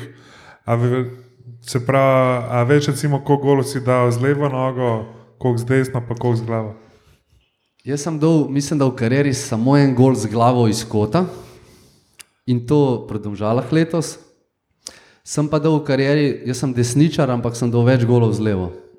Ne vem pa koliko. No, v letošnji sezoni si jih dal sedem z desno, pa pet z levo, pa enega z glavo. A, evo. Ampak tako, če spogledam vse, sem dal več golov z levo, kot z desno. No, pa če se zdaj vrnemo na v bistvu prejšnjo vprašanje. Ne, uh, se pravi, v Olimpiji vemo, so se dogajali takšni in drugačni pa, pač pretresi.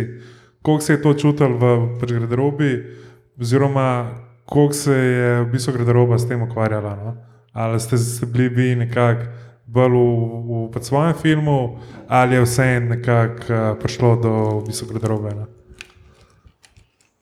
Pa sigurno je prišlo do garderobe. Zdaj, um, na take stvari sigurno vplivajo na igralce, ker dejansko ne veš, kaj pomeni. Poslušaš zgodbe, Olimpija bo šla v stečaj, uh, Olimpija je pred propadom spet in normalno vsi se pač prestrašijo in pač uh, gledajo sebe, ne, svojo situacijo, svoje pogodbe.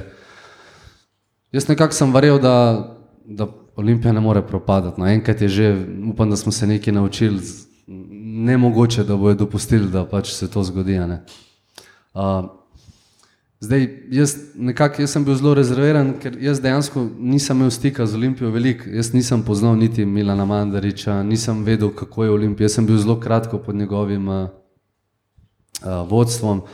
Tako da mogoče je name še najmanj vplivalo. Ne. Verjamem pa, da na igralce, ki so bliže dosti časa v Olimpiji, sigurno je. Jaz nekako nisem tega čutil, ker nisem bil tako upet v Olimpijo. Dejansko sem bil 3-4 mesece samo pod Milanom. ne. No, ampak pa se tudi takoj, eh, čim je bila pač menjava oblasti na vrhu, je bila tudi menjava trenerja. Ne. Takoj ste, tukaj pa ni bilo več pol uh, samo pisarna, ampak je bila takoj, takoj ta sprememba se je poznala takoj tudi na terenu. Ne. No, to spremembo sem pa čutil. ja. S Savotom sta imela vidva kar dober odnos. Ne? Jaz pravim, Savo je velik gospod in eh, jaz sem takoj, ko se je pač to zamenjalo, jaz sem bil res žalosten, ker uh, moram reči, da je imel neverjeten odnos z nami, igravci in tudi igravci smo ga imeli zelo radi in uh, mislim, da če bi sigurno takrat pač v nekem drugem okolju, v nekem drugem času, uh, bi mislim, da Savo bil zelo dober trener za Olimpijo. No. Sem, mislim, da takrat smo tudi uh, v bistvu navijači, gledalci videli. Občutek smo imeli, da se nekaj gradi, ne? da je to ena začetek ene zgodbe, ki ima nek smisel in ki pač kaže potencijalne. Pa, pa klasično po Olimpino smo odrezali. Ne? Jaz sem bil prvič soočen, da mislim, imel sem zelo dobre trenerje, ampak nekako trenerje take veličine, ki so bili tudi igravci, velikani in potem še trenerji, eh, nisem še imel. In nekako njegov odnos in njegov način vodenja je bil zame nov, ampak sem rekel, to je to. Jaz, če bi kdaj bil trener, jaz bi bil tako. Jaz bi bil tak, um, nekako res je znal z igravci. Um, pa ne samo, da je on bil dober z nami, če smo mi bili slabi, on dobro vedel, kako z nami se pogovarjati. Ampak nek tak, tak gospod je bil, no, res. In um, škoda, no, da ni imel več časa v Olimpiji. No. Se pravi, to se verjetno precej pozna pri načinu vodenja. Ne? In prvi trener Savo in zdajšnji trener eh, Žuti, to sta pač obe dva, en, en je večji kot drug, eh, igralska legenda. Um, vsi trenerji morajo imeti licence, no, razen če si Beširovič, ne. ampak um, slava mu. Ampak um, se to verjetno vsem pozna, neke izkušnje prepletajo v vodenje treningov, tekem ali kako. Ne? A, Pa jaz sem nekako dobil občutek, da to so izpopolnjene osebnosti, ne, nogometno, brez kompleksov, nekako nogometnih, ker dosti trenerjev ima nekako, spoh še niso bili igravci, imajo kompleks, da nisem bil igralec, moram biti trener, drugačen. Um, nekako Savo mi je deloval tako siguren in vs- vse njegove besede na začetku sezone, ko smo začeli in nam ni šlo. Jaz osebno se spomnim, da sem imel ne tri tekme, ki nisem dal gola. In sem pač šel do njega in sem rekel, pač, ne, ne gre v gol, kaj da naredim. In je rekel, sem mislil, da mi bo zdaj začel nekaj, da mi bo, ne vem, ja, ne delaš dobro, ampak me pomiril, je rekel, delaš super za ekipo, delaš druge stvari, zaradi tebe drugi dajo gol, zaradi tebe zilka da gol. ja. Ampak pravi se, kjer si prišel bo obdobje, ko boš slabo igral, pa boš dajal gole. In čez dva tedna samo v dveh tekmah dal štiri gole. In bran, nekako, eh, dosti te nekih stvari se je uresničilo, kaj je on nam govoril. In moram reči, da je name naredil res veliko tisno. Se, kaj pa, če bi primerjal recimo njega pa, pa Žutega? Uh, recimo, vemo, tudi Žut je imel veliko igralsko kariero, recimo bil je še, še selektor, kar je še mogoče težje kot delati v klubu, ne? Ker imaš tam, ne vem, par dni, da delaš z, z, z v bistvu igralci. Recimo, kako je, če bi njih primerjal, no in ne vem, pač pristop, način dela, uh, pač komunikacija. Zelo podobno v določenih zadevah. V teh zadevah, ki meni veliko pomenijo, v odnosu do igralcev in uh, odnosu do nogometa. Podoben nogomet gojita. Ne? Sploh žuti ima rad um, posest, to se pravi, rad ima, to se pravi kontrolirano posest, da nekako dominiramo. Nekako on želi, da je Olimpija dominantna v vsaki tekmi, sploh v prvenstvu. Uh, uh, tako da sta zelo podobna no, v določenih stvareh. Moram reči, da So tudi kakšne velike razlike med njima mogoče? Šo, to pa je dobro vprašanje. Ja, en je bil Srb, on je pa Hrvat. Ampak ja, ne, eh, nekako po, podoben vzorc, eh, vs- eh, z- veličina igralska in eh, tudi trenerska. No, pravim. Zelo zanimive osebe. No. Zdaj, v bistvu, imel si v pogodbi klauzulo a, na, na Bravo, ne? če pokliče Olimpijo, da lahko greš v Olimpijo. Zdaj, letos si bil tu štirikrat eh, kapetan Olimpije. Kakšen je bil ta občutek, no? da si v bistvu kapetan v klubu, za katerega si imel klauzulo, da pač lahko greš iz prejšnjega kluba? Pa v bistvu to se je zgodilo pa na pripravah, če se ne motim. Uh, Nekako uh, tim je kapetan, Kapun je bil pa dosti poškodovan. In, in pol so pač gledali, kdo bo kapetan, in pol so mene zbrali. Sem jaz bil ful počaščen, sem rekel, pa jaz sem šele pol leta tukaj, in mislim, siguren so fanti, ki imajo prednost, ne, ampak takrat nekako in timi in vsi so nekako rekli, da pač ti boš in jaz sem bil počaščen in vsakič, ko nosim kapetanski trak, res nekako dobim tistih še 10% več, tako da sem res vesel no, in upam, da ga bom še velikrat nosil. No. Ja, A Ja, ne, ne vem, sem mislil, da. Ne, jaz imam pa eno tako navijaško. Sej, okay, ko si prišel v Olimpijo, če z vidika enega navijača, pristaša tega kluba, si ve- verjetno imel neka pričakovanja. Ne. Zdaj, te zdrahe v pisarni, pa to si rekel, da se te niso tako dotaknile. Ampak je, je bil kakšen boleč pristanek na realna tla, ki si videl, kako je pa v resnici v, v tem klubu, kako zadeve potekajo, ali si bil že vsega hudega vajen odprej. Pa, Jaz, ki sem prišel v Olimpijo, sem rekel, pa wow, pa tukaj imajo vse. Kaj z tega, kjer nisem imel. ne. In mi ni bilo jasno, kako niso zadovoljni določeni. Pa, vi veste, kje sem jaz igral, mi nismo imeli nič. Jaz sem bil šokiran in sem pač še zmeraj rečem, da kljub vsemu, kjer sem jaz igral, Olimpija je sto let pred vsemi. No. In tako da in z vidika zdravstvene službe, in z vidika. no, to bomo še videli. Zdaj. Dobro, jaz govor, lahko govorim do zdaj. tako da Mi na Bravo nismo imeli na začetku nobenega v zdravstveni službi. ne. Tako da tukaj imaš pa res um, vse in uh, res da meni je bilo, ko sem prišel v Olimpijo, šok, ker pač meni je bilo vse dobro. ne. Ampak tukaj se mogoče pozna tudi to, da vem, če pridejo igralci iz nekih iz tujine, kjer je marsikaj urejen, ne, mogoče drugače gledajo. Ne, ker če bi pride iz nekih, ne vem, kot smo rekli, ja. Slovan, eh, Svoboda, Medvode, konc koncev, lokalni klubi, ne, je to v vsakem primeru nek korak naprej in, mogoče bolj cenijo to. eh, sej, seveda imamo vrhunske igralce iz, iz tujine, ki so, dal, ki so pustili srce na igrišču za Olimpijo. Ne.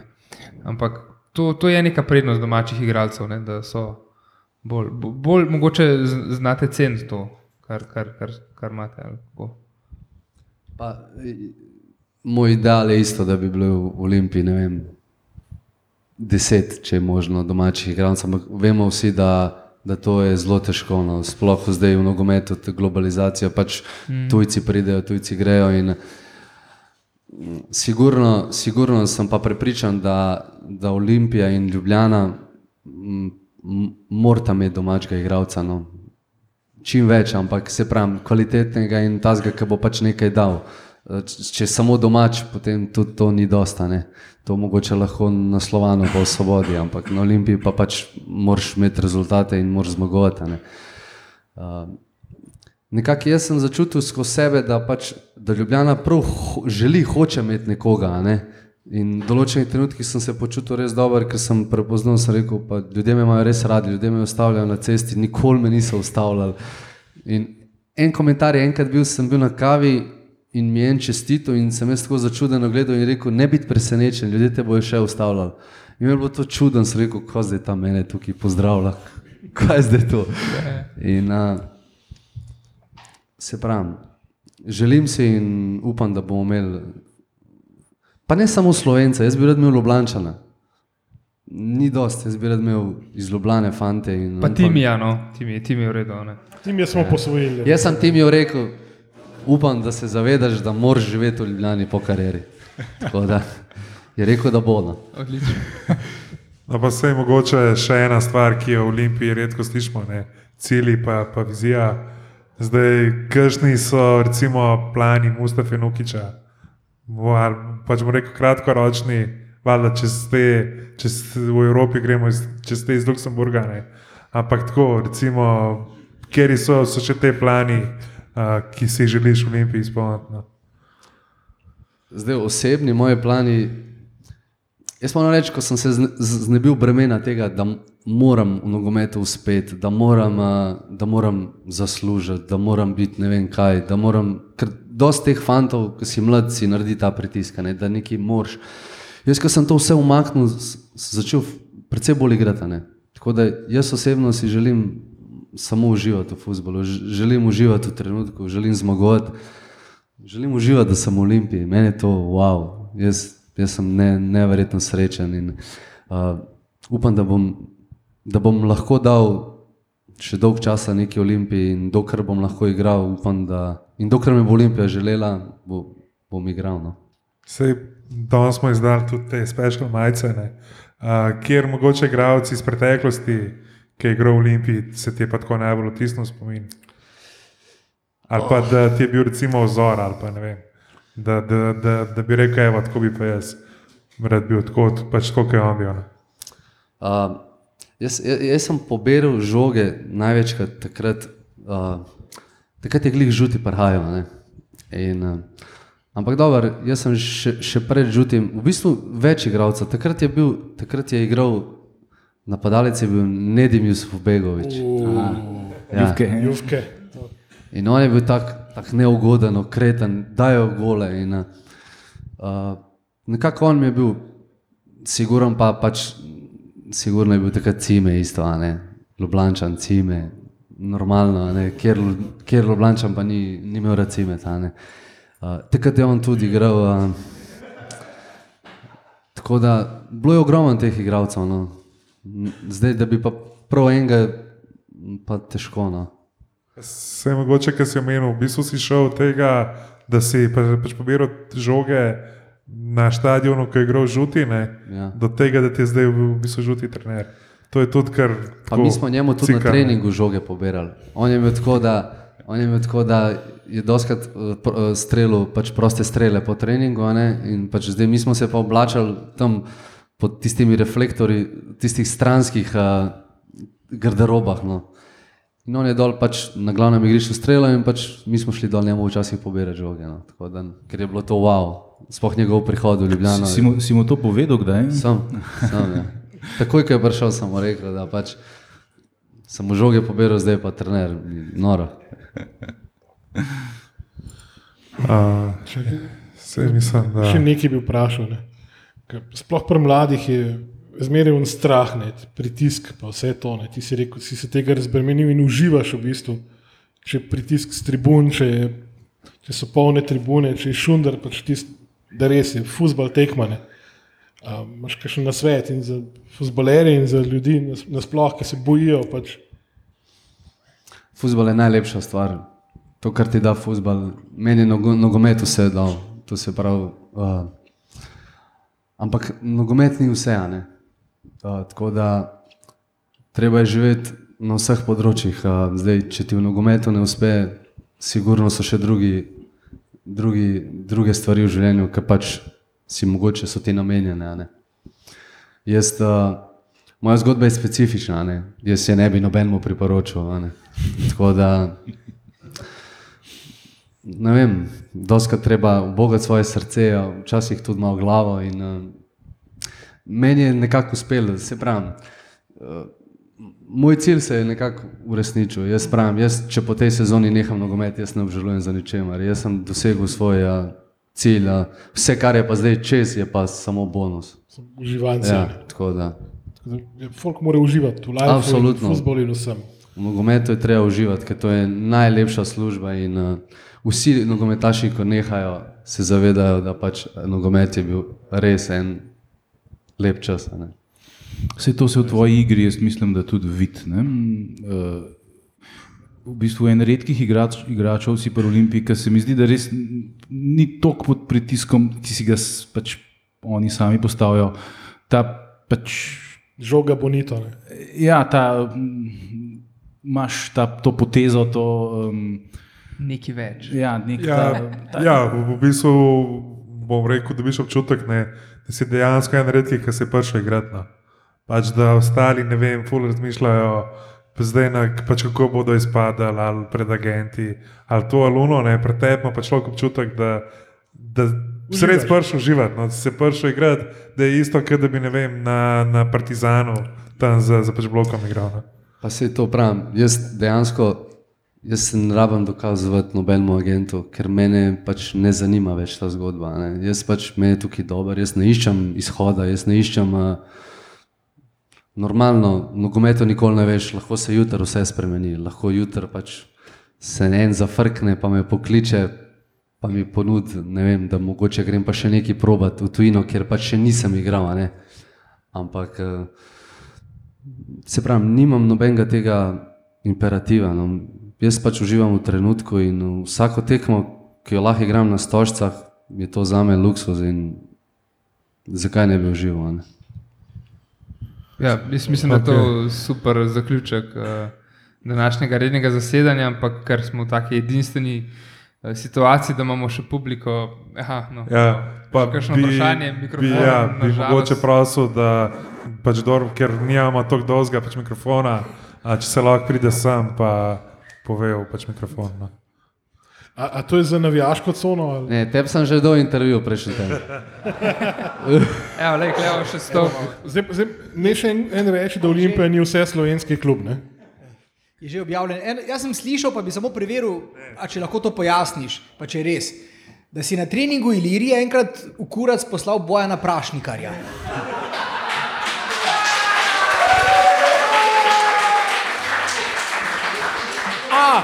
A, ali to drži in B, ali nisi vedel, kdo je prašnikar, ali kako je s tem? E, da, veš, jaz, jaz sem bil skozi iskren, tako da jaz bom tudi tako iskren. Jaz mislim, da ga nisem enkrat, ampak večkrat.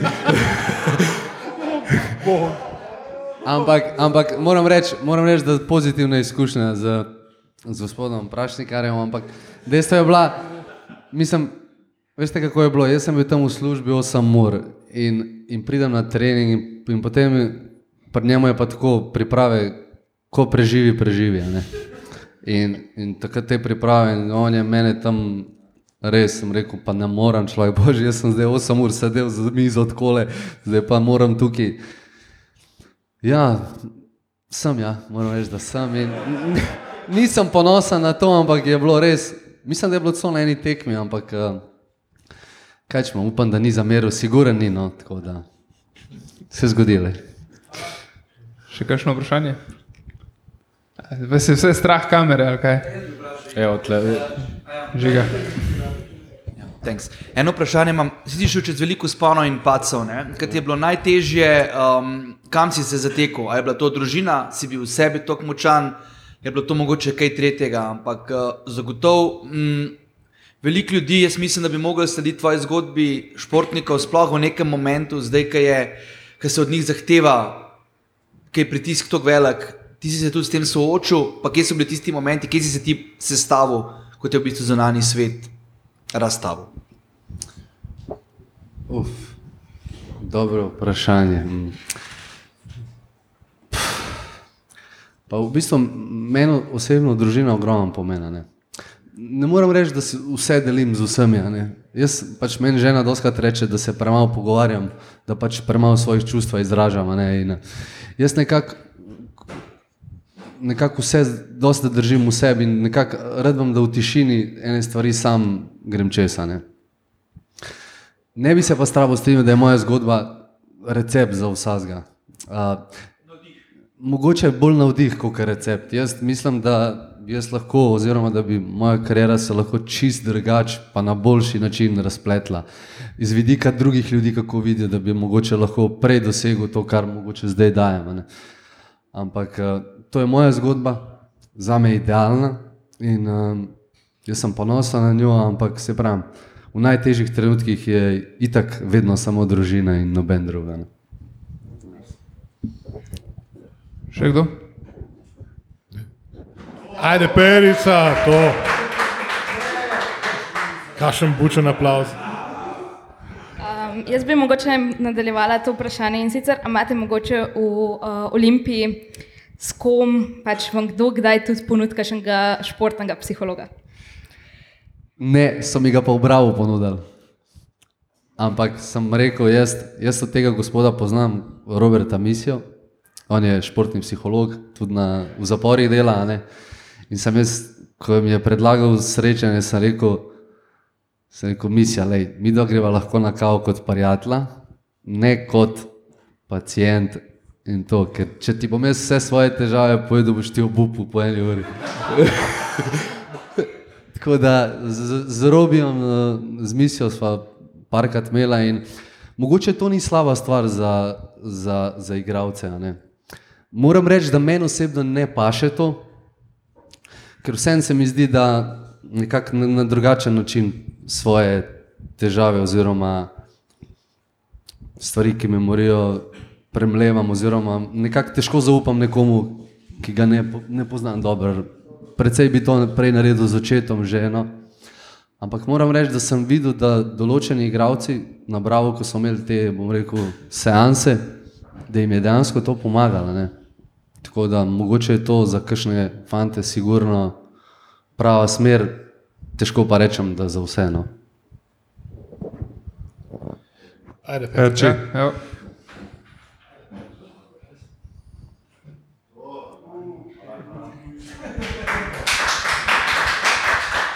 Tole zna biti intervju na mestu parih vprašanj. Uh, prva stvar, je, ki me zanima, pa ne spomnim se čisto točen, a si ti bil še v Bravo, je bilo to dve sezoni nazaj, ste v Mariboru zmagali, pa so vas zaklenili na stadion. Uh, viole, predvsem igralce in iz varnostnih razlogov ste tudi vi ostali. Z- V Bravo si še takrat igral ali nisi? Je bilo to. Okay, sprašujem zato, ker smo mi Žinko tu, Žinko pač moj sosed v Fužinah, še en teden vsi high five dejali, da je šlo ultra na smeh. Poleg nas smo še otroke pošiljali, da je Žinko tu uh, čestitati za to. Pa me zanima, kakšen je tvoj občutek bil, ker jaz pač, če ne bi imel šest, bi imel nasmešek okoli glave. In meni je bilo to vse tako fascinantno, da ste vi njih tako zbušili, da oni iz stadiona niso mogli iti. Zdaj pa me pač zanima, kako je prvi bil občutek v Bravo.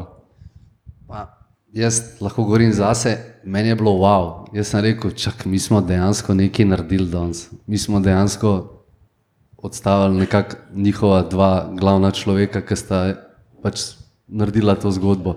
Se rekel, Maribor jutri ne bo več isti. In, uh, mislim, da še danes ni isti. a ne, tako Da, To je res, hvala.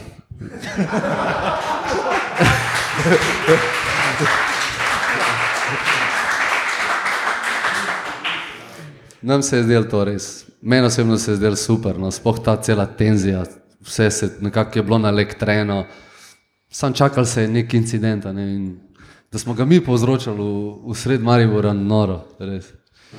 Sorry, ker se mogoče ne sliši tako lepo, no, da svojo srečo gradimo na nesreči drugih, ampak moram samo vprašati. Se, ja, to je, to je kla, klasična olimpija, veš, namesto da bi mi dvignili nivo, združimo ostale, raje, pa je to lažje. pol. Buši sirotinjo.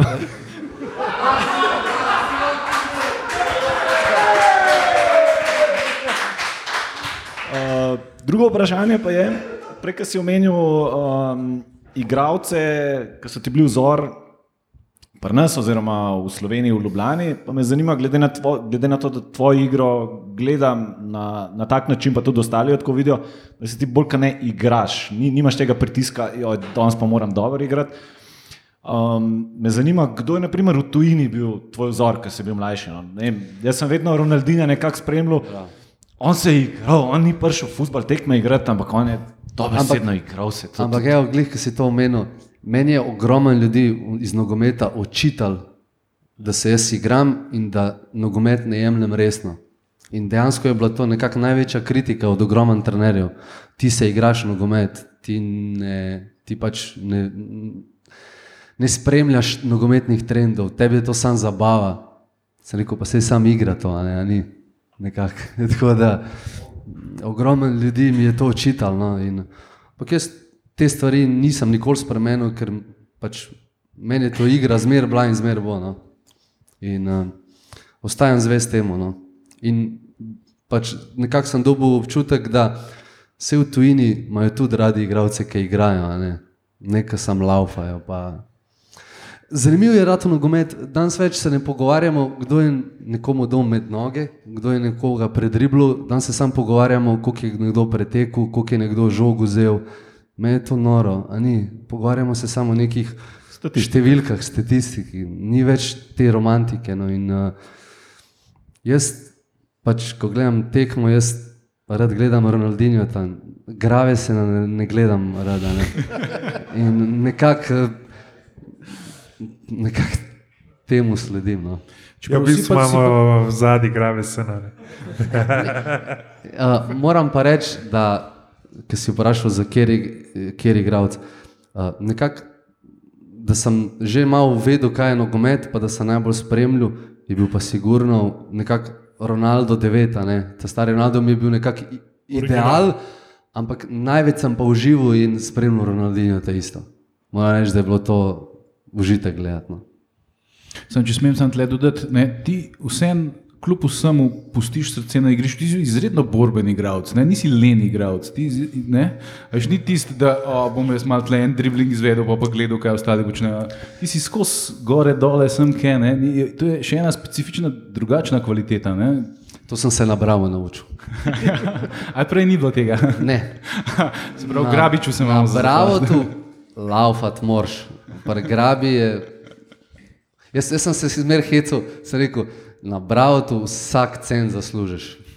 Tako da odlaufaš za vsak cent. Tako Da, in je res tako. tako da, moram reči, da ampak sem se to naučil tam, oni so mi to nekako ucepali, dokazali mi, da zmorem in nekako se tega držim še naprej. a Ne? Ja, okay. A to je to? E, Še kdo? Še kakšno vprašanje? Še kakšno? Ja. Zadnja priložnost. Ne? Okay, če ni nobenega vprašanja, najlepša hvala našemu gostu. Hvala.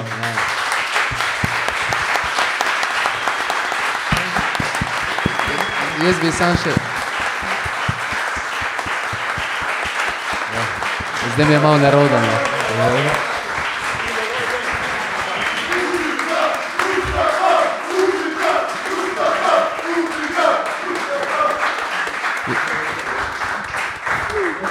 Jaz bi sam še mogoče za konec, jaz bi se pa rad vam zahvalil, ne, ker nekako uh, vse to, kar se meni dogaja v zadnjem času, prvo, brez Olimpije tega ne bi bilo, drugo, brez Dragonsov tega ne bi bilo, takoj za njimi ste pa vi. Tako da, sigurno, eh, številka 12 je rezervirana za Dragons, ampak vi ste sigurno 13 igralcev Olimpije. Čeprav, eh, tako da, hvala vam no, in res ste. Hvala. To pa, to pa. Hvala lepa, to pa je kompliment. Hvala.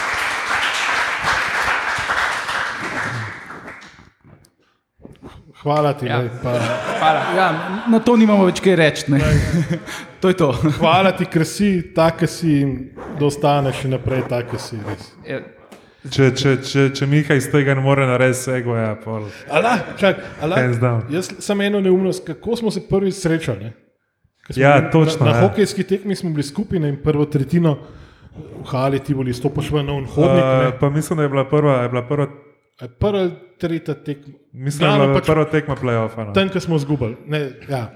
Uh, stopim, stopim jaz ven po tretjini, vidim tega velikana. Pa tako, hej, Luka, ti veš, zraven koga stojiš? Ja, no, sem, se ne poznamo, pa kaj ne. Tako, pa kako ne boš pozdravil pismo? Primes po drugi tretjini ven, jaz se klanjam. pa "O, Majster, vsaka čas, skozi vas poslušam, izgledam tako, kaj, kaj se je zdaj le glika zgodil. ne." In to, to mi je bil tak šok. Jaz, jaz nekako, lagal bi, če bi rekel, da sem vas prej poslušal, ne, ker dejansko nisem vedel, dokler nisem bil v Olimpiji, zdaj nekako nabral, ni bilo govora o vas. Ne. In pol meni ti mi enkrat reče, "Ej, pa, pa da eni fanti delajo en podcast, da boš zdaj boš malo pogledal. Ne. Sem rekel, joj, kaj zdaj to so zihani kauč selektori, to sam bušijo. Vse smo, no, se, lej, to se kar zadeva. Kavče imamo, ne? Evo, zdaj smo kavče ne balo, glih za danes. ne. Vsak del vzem nagrado. No, Ne, veš. jaz sem rekel, sem rekel ma, to, sam, to sam bušil, jaz to ne bom poslušal. Pa, da je poslušal, ne, dejansko fanti nekaj znajo. Ne. In potem sem poslušal in sem gotov, zdaj ne vem, imate vi kakšne notranje informacije, ampak vi ogromno veste in ogromno zadenete. a ne. Tako da, če nimate informacij, res dobro predvidevate. No. Vidoviti glih nismo, ampak kaj, kaj pa zvemo. Ja, so, so leta izkušenj, lahko rečem. Sem, sem, sem to je pol tako, ne, da Miha skriva, mislim, ne, nam ne pove. ne pot- 14 dni kasneje, ker že ni več aktualno. A ja, vam nisem povedal. Ja? No, a je kaj zdaj, kar se bo zgodilo, da jaz ne vem, pa ti že veš. Ja, mislim, da zdaj oboji tavamo v temi. No. Mislim, da, zdaj- mislim, da zdaj mogoče ti slo več veš, kaj jaz. No. Pač bom rekel, koliko je bilo mogoče. Uh, kolikor je bilo mogoče v startu, ful nekih, pač bom rekel, objav in tega, ne, je pa zdaj v bistvu ni bilo niti objave, da so se priprave začele. Prvega sedemega, prvega veš, sedemega bo se znal. Uh, še, še eno vprašanje, no, glih. Uh, en teden nazaj ste igrali, vse bilo en teden nazaj, ne? En teden nazaj Trbovljah. ste igrali v, v Pečerbovlah, Ja. uh, ki je imel klub uh, pa sto let, mogoče sam na, na, na kratko. No. Kakšna je bila izkušnja, ker tam je tudi kar, pač bom rekel, baza olimpijskih navijačev. No. E, Trbovle, to je zanimiva zgodba. Jaz pač se spomnim od Mehnega, so mi te, smo mi imeli bitke tam. Preden so oni imeli to umetno travo, je bilo tam igrišče, to je bilo, ni izgledalo nogometno igrišče, no, res. In, a, jaz mislim, da so oni, če odbijemo pač Ljubljano in seveda pač druga mesta, ne, eno, eno bolj nogometnih mest v državi. ne, in Dejansko mislim, da s pravim pristopom in pravim podporom Trbovle sigurno spada više. In uh, želim si, da bi pač se vrnili mogoče nekako v drugo, mogoče ali pa v tretjo ligo, ker sem prepričan, da bi imeli več navijačev kot polovica prve slovenske lige. No. In uh, če imaš tako bazo in tako pač ljubezen navijačev, jaz mislim, da si želim, no, da Trbovle se vrne v lige više. No. Ja, Okej. okay. Jaz sem tudi tvojega očeta in grede videl na tribuni. Um, Moj fotor. Ja. Moj fotor je na vsaki tekmi. Ali je to na koncu tam na ulmu delu, ali je to na morju, on je na vsaki tekmi, pa moj tast. Tako da, uh, no, neverjetno stano. tako da. A da potegni dobiš kakšen, pač kakšno poročilo, ti fotor daj kaj reče. Ali... Ma on vse spremlja, on vse ve. Uh, ampak ja, on ve že, da po tekmi me mora pustiti pri miru. To se pravi, naslednji dan, mogoče ali pa čez dva dni, pove, da tam si bil slab, tam si to, tam si to. Ome zdaj ti očitno ne znaš nič o futbolu. Ampak na vsaki tekmi sta. No. Okay. To je to. Ja, še enkrat najlepša hvala. Um, zdaj, verjetno ste opazili, nove majice smo dali ven, sami šefi, gor so. No, no, še enkrat jih naštejemo. Uh, Danes je ekskluzivna cena 20 evrov. Pa gre gor, Um, par jih je, par je še teh, res samo še par zelenih majic, par astronautov. Imamo tudi knjigo uh, Trinič brez boja, uh, zbirka kolumn o slovenskem nogometu, ki je napisal Tim Dobovšek. Um, tako da oglasite se še kaj tam. Um, pa še enkrat najlepša hvala, res, ki ste prišli. Najlepša hvala, da nas poslušate, najlepša hvala, da nas podpirate. Uh, mi smo zaradi vas, kako ne. Ja, Tako da- tako je to. Ja.